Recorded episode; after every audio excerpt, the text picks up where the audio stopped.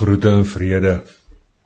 My naam is Haie Kronje en ek in die mooiste mooi woon, werk en kerk hier aan die Kalahari kant van die land. Vandag se storie se naam, Waai Geeswind Waai.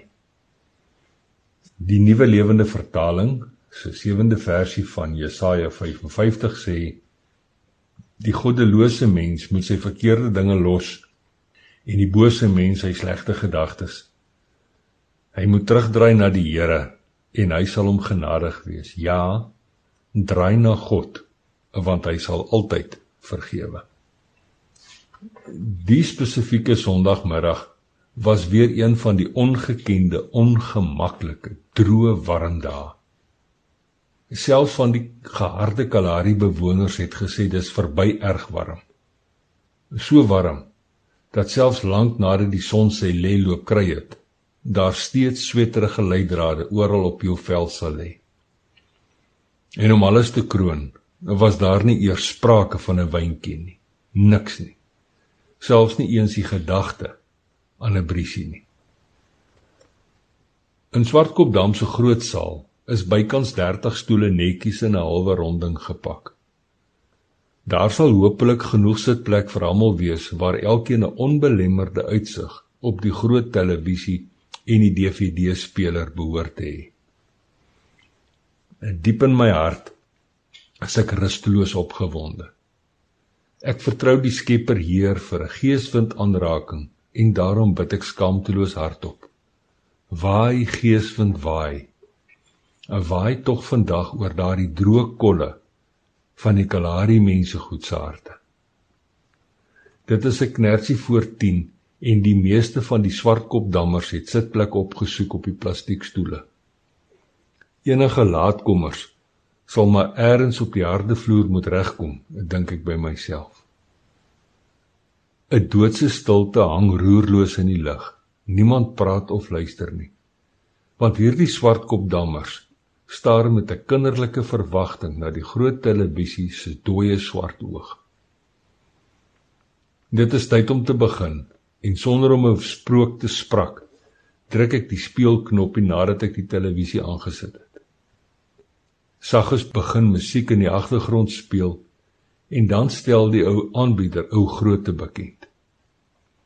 Die meeste van die swartkopdammers herken hom dadelik want hy was al hier.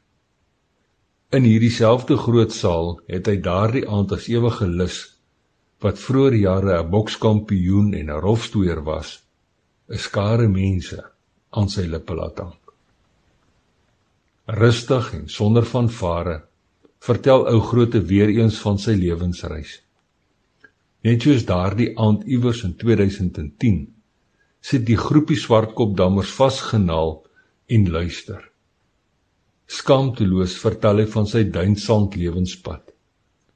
'n Lewenspad met baie dwarsduine vol gesinsgeweld, asook ondeurdringbare stofstorms vol armoede. Ou Groot se vertelling slaan diep, want sy vertelling is tog so deel van hulle Kalahari bestaan. Veral toe hy vertel hoe hy as jong seun tog te gereeld honger moes gaan slaap het. Die mense in die groot saal se ore is uitverkoop aan sy lippe en aan sy vertel. 'n Groote, 'n prate taal wat hulle gereeld hoor en amper daagliks beleef. 'n Taal vol woede wat deurspek is met verwerping, aanranding, mishandeling en verwaarlosing, maar ook 'n taal van genade en onverdiende guns plus oorvloedige goedheid. Bewegingloos luister die Kalahari mense goed togte aandagtig. Uit die hoek van my oog trek 'n beweging my aandag. Nonchalant probeer 'n jong man 'n verdwaalde soutraan wat uit sy oog kom, wegvee terwyl hy doelloos met sy hand oor sy hare vryf. Waai geeswind waai, smeek ek saggies. Mag ou groot se lewensverhaal weer vandag iewers stil staan by 'n vernielde hart. Die tyd vlieg en gou-gou is ou groote se lewensvertelling verby. Steeds sit die groepie mense in stilte terwyl hulle na die sneeu swart beeld op die televisie kyk. Sommers so in die loop om die televisie af te sit, bid ek steeds stilweg. Waai geeswind waai. Laat u sagte koelte teenwoordigheid asseblief ons soos 'n balhorige Kalahari drywind omring. En die goeters eh, gebeur mos nie met die boere se mense nie, pastoor, sê die jong man van net nou so halfkop onderste bo. Stilweg deel die ander hierdie sentiment, want hulle koppe beweeg stadig op en af. Miskien lê ou groote se hartroerende smeking vir ware vergifnis baie vlakker in hierdie mense goed se binneste binnes as wat ek ooit sou kon dink. Jimmy het iets gekry wat hy nooit gehad het nie, omrede hy iets gedoen het wat hy nog nooit van tevore gedoen het nie, sê ek saggies. My ou vriend het 'n sandduin vol gemoedsrus en vrede verkry omrede hy ander mense goed en homself onvoorwaardelik vergewe het. Onthou, hy moes homself eers vergewe. Minute spoed verby.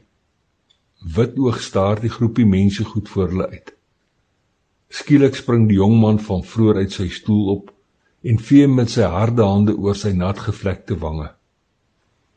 Daar was skielik 'n onbekende diepe sagtheid vol vrede in sy stem toe hy saggies begin praat. Nou is ek los pastoor goed. Ek is regtig los. Los van alles wat my vashou want ek het nog iets gedoen wat ek nog nooit gedoen het nie. Ek het vergewe. Ek het hulle almal vergewe en ek het myself vergewe. Op daardie oomblik toe daardie hartsverklaring deur die groot saal ego waai 'n sagte koelte windjie deur die buitedeur en omvou die jong man sommer heel eerste. En so bly ek smeek. Waai gees van waai. Waai ook deur my. Nou ja toe. Los mooi spore. Spore soos wat Jimmy en Nicolari gelos het. En sandkorrel by seëninge